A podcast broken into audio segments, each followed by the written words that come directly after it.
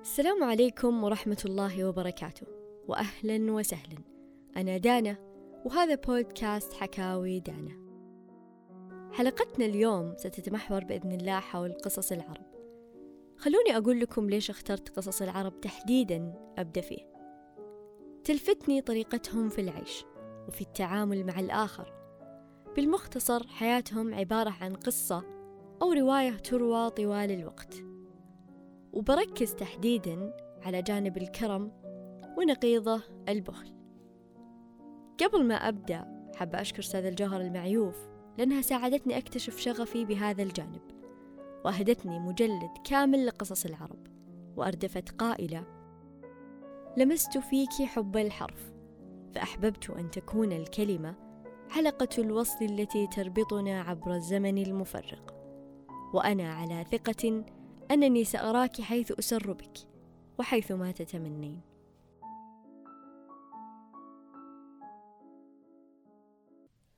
قيل في كتاب المستطرف في كل فن مستظرف اعلم أن الجود بذل المال وأنفعه ما صرف في وجه استحقاقه يعني أن ندفع أموالنا وننفقها في أشياء مفيدة. وقد ندب الله تعالى إليه في قوله لن تنالوا البر حتى تنفقوا مما تحبون. قيل أن الجود والسخاء والإيثار بمعنى واحد. وفي تفصيل هذه المصطلحات قيل أن من أعطى البعض وأمسك البعض فهو صاحب سخاء ومن بذل الأكثر فهو صاحب جود. ومن آثر غيره بالحاضر وبقي هو في مقاساة الضرر فهو صاحب إيثار. يعني يبدي الناس على نفسه ولو كان هذا الأمر سيؤذيه. وأصل السخاء هو السماحة مثل إذا قلنا فلان سمح يعطي من قلبه ولا يتثاقل ذلك. فمن الإيثار ما حكي عن حذيفة العدوي أنه قال انطلقت يوم اليرموك أطلب ابن عم لي في القتلى أي مصاب من ضمن الجرحى ومعي شيء من الماء وأنا أقول إن كان به رمق سقيته. يعني لو كان فيه بقايا روح هناك أمل أن يعيش. فدنوت منه أي اقتربت. وسألته أسقيك؟ فأشار إلي أن نعم فإذا برجل يئن من بعيد. فأشار لي ابن عمي أن انطلق واسق ذاك الرجل. فلما ذهبت إليه فإذا هو هشام بن العاص. فقلت له أسقيك؟ فأشار إلي أن نعم. فسمع هشام رجل آخر يئن فأشار إلي هشام أن انطلق إليه. فجئت الرجل لأسقيه فإذا هو قد مات. فرجعت إلى هشام فإذا هو قد مات. فرجعت إلى ابن عمي فإذا هو قد مات. ومما روي في الكرم أن رجلا يقال له الأشعث بن قيس. أرسل إلى عدي بن حاتم. بن حاتم الطائي من يضرب به المثل لشدة جوده وكرمه ليستعير منه الأشعث قدورا كانت لأبيه حاتم. فملأها عدي مالا وبعث بها إلى الأشعث وقال له إنا لا نعيرها فارغة.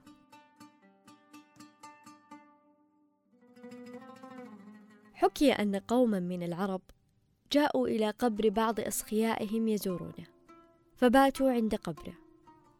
فرأى رجل منهم صاحب القبر في المنام وهو يقول له هل لك أن تبيعني بعيرك بنجيبي؟ النجيب هو الصغير من الأبل. وكان الميت قد ترك وراءه نجيبا وكان للرائي بعير سمين.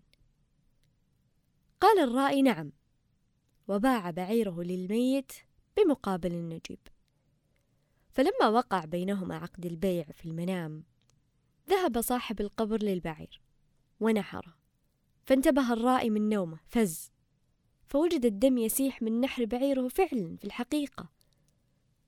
فقام الرجل وأتم نحره وقطع لحمه وطبخوه وأكلوه هو ومن معه. ثم رحلوا وساروا. في اليوم التالي وهم في الطريق سائرون استقبلهم ركب. مجموعة من الأشخاص إما يركبون الجياد أو الجمال فتقدم منهم شاب من هذا الركب فنادى. هل فيكم فلان بن فلان؟ فرد صاحب البعير. نعم ها أنا فلان بن فلان. فسأله الشاب هل بعت من فلان الميت شيئا؟ رد عليه الرائي نعم بعته بعيري مقابل نجيبه في النوم. رد الشاب هذا نجيبه فخذه أنا ولده. وقد رأيت أبي في النوم وهو يقول إن كنت ولدي فادفع نجيبي إلى فلان. كريم حتى بعد موته. بشر مال البخيل بحادث أو وارث. على النقيض تماما. هناك من لا يعترف بالكرم ولا يرى لأصله وجود. ومن يفضل أن يموت جوعا على أن ينفق القليل من المال ليأكل. كان بعض البخلاء يمسك الدرهم بيده ويقول أنت عقلي وديني وصلاتي وصيامي وجامع شملي وقرة عيني وأنسي وقوتي وعدتي وعمادي. زعموا أن رجلا قد بلغ في البخل غاية أقصى حد من البخل. وصار إماما إماما للبخلاء. وأنه كان إذا صار في يده الدرهم خاطبه وناجاه وفداه أي استفداه بنفسه وأهله.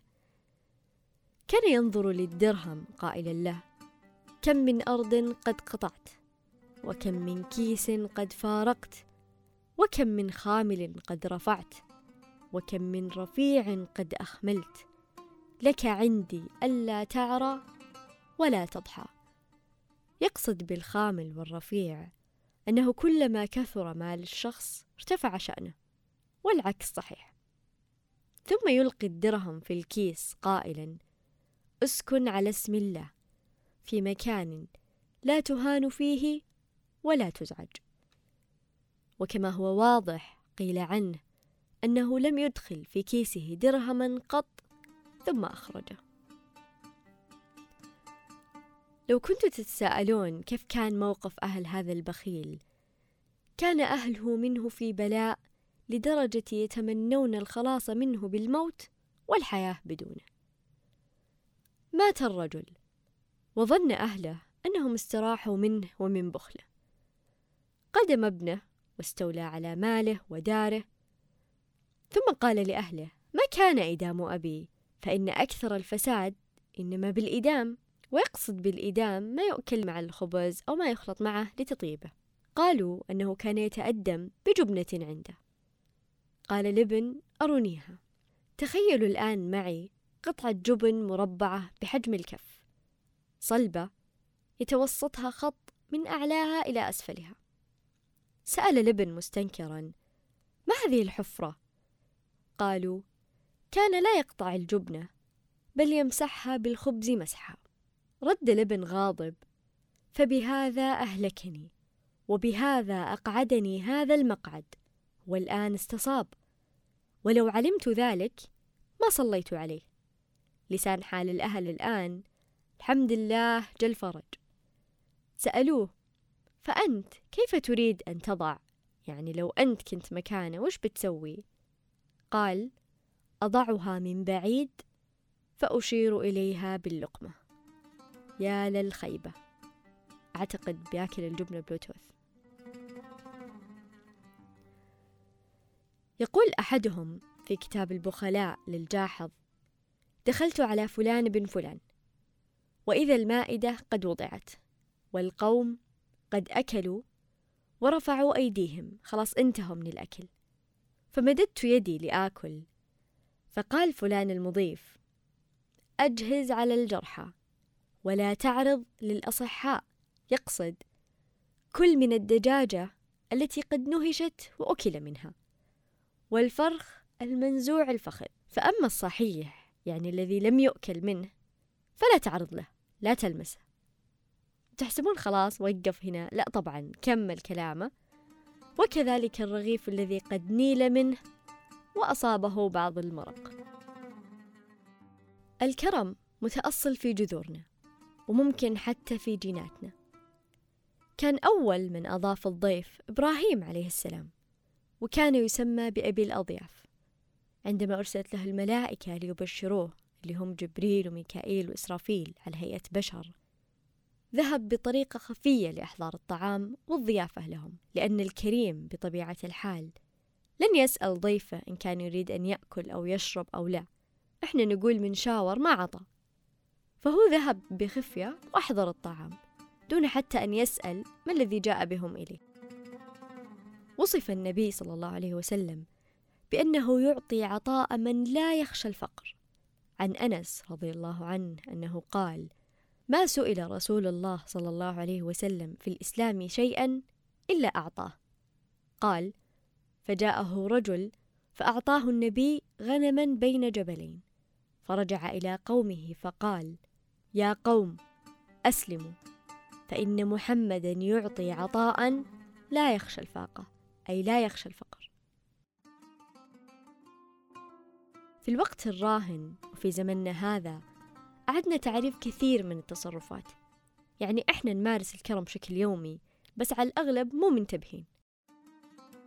الدنيا بخير والكرم لا زال موجود ويستحيل نفي ذلك. لكن نقدر نقول إنه تغير شكله. مثلا من عاداتنا وتقاليدنا بين قوسين وإن اختلفت المسميات اللي هي هدية المولود الجديد أو الطلاعة أو مثلا السماوة. والسماوة أن يسمي شخص على اسم شخص آخر عزيز عليه. على سبيل المثال أبو محمد. هو مسمي محمد على أبوه. فيقوم الجد ويعطي أبو محمد مبلغ مالي هو سماوة محمد حفيده. أو الحفالة اللي هي هدية الزواج أو العانية والعانية هدية تقدم في يوم الزواج لكن غالبا تكون بين أصدقاء العريس يعني بين الشباب. والنزالة هدية البيت الجديد تتعدد المناسبات والمسميات ولكن كلها من منطلق الكرم والعطية. لازم نعرف أن كل شيء لما يزيد عن الحد يفقد الجوهر وتتأثر الغاية منه. الكرم إذا زاد أصبح بذخ وتبذير وكذلك الادخار قد يتحول إلى شح والشح هو الإفراط في الحرص على الشيء. في بادرة جميلة أسست جمعيات لحفظ النعمة مثل جمعية خيرات وجمعية البر وغيرها الكثير أهل الخير واجد. وهدف هذه الجمعيات حفظ فائض الطعام من الولائم وقصور الأفراح وإيصاله إلى المستفيدين. قد يكون هناك اختلاف لممارسة الكرم بين من يعيش في المدينة الصاخبة ومن يعيش في قرية هادئة. أهل المدينة كل في فلك يسبحون وكل منهم يتبع أحلامه وشغفه من يعمل يدرس. يوم مزدحم ما في فرصة لممارسة الكرم الاجتماعي. أما أهل القرية أو المدن الأقل صخبا فهم على الأغلب يعيشون أقرب لبعض. فلان يعزم جاره على الغداء وفلان الآخر يعزم إمام المسجد على فنجان قهوة بعد الصلاة. تصرفات اعتادوا فعلها. وصارت متوارثة بينهم وروتينية. وعلى طاري الكرم الاجتماعي ترى الكرم أنواع ومو بس بالمال. لما تمدحين شعر صديقتك هذا كرم. لما تصبح على زملائك بالدوام هذا كرم. الأخلاق الحميدة المعاملة الحسنة الصدقة حتى العطاء من العلم والمعرفة يعتبر كرم. الكرم أسمى صفات العرب وأكثرها وضوح. من شدة أهميته عند العرب كانوا يتقصدون مدح الكريم وذم البخيل بالشعر تحديدا سواء في المجالس أو في الأسواق مثل قول ابن الرومي يقتر عيسى على نفسه وليس بباق ولا خالد فلو يستطيع لتقتيره تنفس من منخر واحد. وهذا الشيء اللي كان يشجع الكرماء أنهم يزيدون من عطائهم ويدفع المترددين أنهم يبادرون بالعطاء كي لا تلاحقهم سهام الذم ولا ننسى ارتباط الكرم بالإرث العائلي والنسب والأجداد فتتوارثه الأجيال في العائلة والقبيلة الواحدة. نشوف كثير مواقف لما شخص يعرف بنفسه في مجلس فتكون ردة الفعل أنت ولد فلان. والله ونعم أكيد أن فلان له مواقف كثيرة مع هذا الشخص. النصيحة الدائمة تذكروا أن تعدلوا في جميع مناحي حياتكم واجعلوا حديث الرسول هذا نصب عينيكم. اشكروا لمن أثنى عليكم وإذا أتاكم كريم قوم فأكرموه. لا تبخلوا علي أصدقائي برأيكم في الحلقة. واسقوني من أفكاركم النيرة. كنت معكم أنا دانا موسى. وإلى اللقاء.